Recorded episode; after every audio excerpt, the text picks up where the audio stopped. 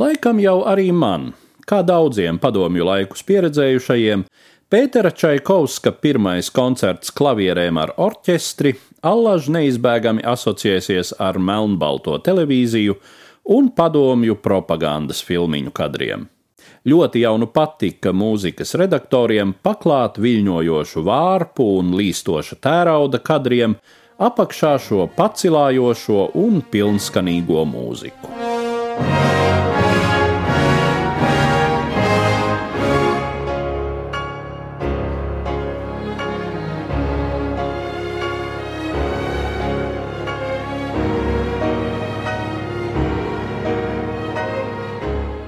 Čaikovska pirmais, laikam gan vairāk nekā jebkurš cits skaņdarbs, šodien ir krievu klasiskās mūzikas ikona.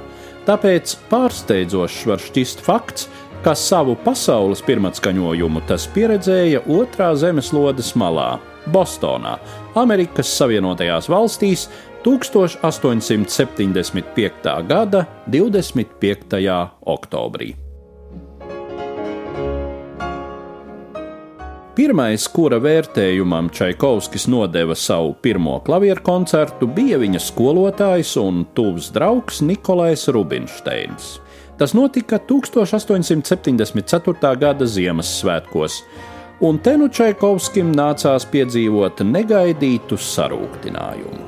Savai vēstuļu draudzenei Naģeždai Fonmekai komponists aprakstījis, ko pārdzīvojis Rubinsteinam sēžoties pie klavierēm un sākot atskaņot.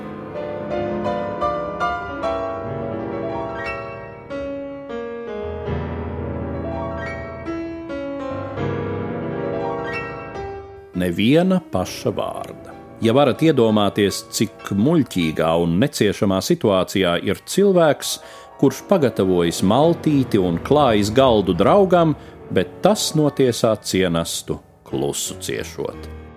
Čaikovskis tomēr izturēja līdz galam, lai noklausītos Rubinsteina spriedumu.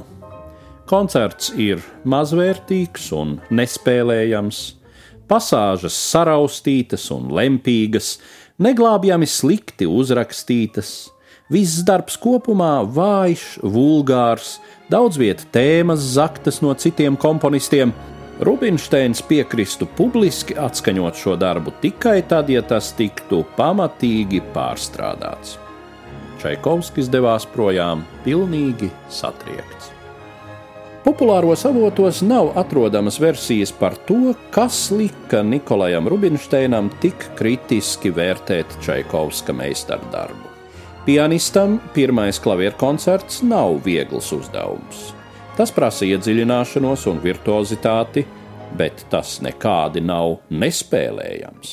Darbā ģeniāli apvienojas smalkums un ekspresivitāte, un var nojaust, cik šokējoši komponistam bija uzklausīt apzīmējumus lempīgs, vulgārs, kas attiecas uz svešu nošu zakšanu. Čaikovskis ir gan patapinājis, bet no tautas mūzikas.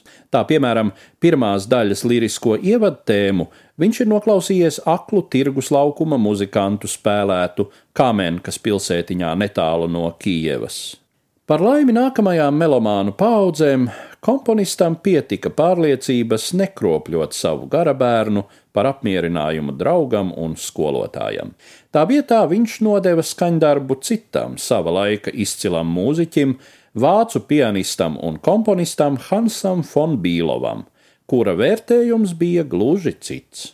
Darbs ir ļoti oriģināls un dižens. Un tā nu savu pirmatskaņojumu Čaikovska pirmais piedzīvoja Amerikā ar von Bīlovu pie klavierēm un Benjaminu Džonsonu Lengu pie diriģenta pults.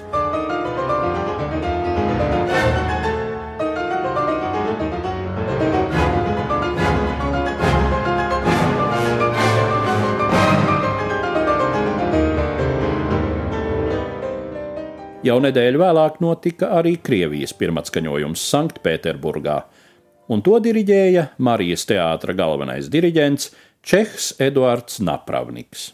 Starp citu, Krievija tobrīd vēl dzīvoja pēc jūlija kalendāra, un saskaņā ar to iznāk, ka Sanktpēterburgas pirmatskaņojums tomēr noticis agrāk nekā Bostonā.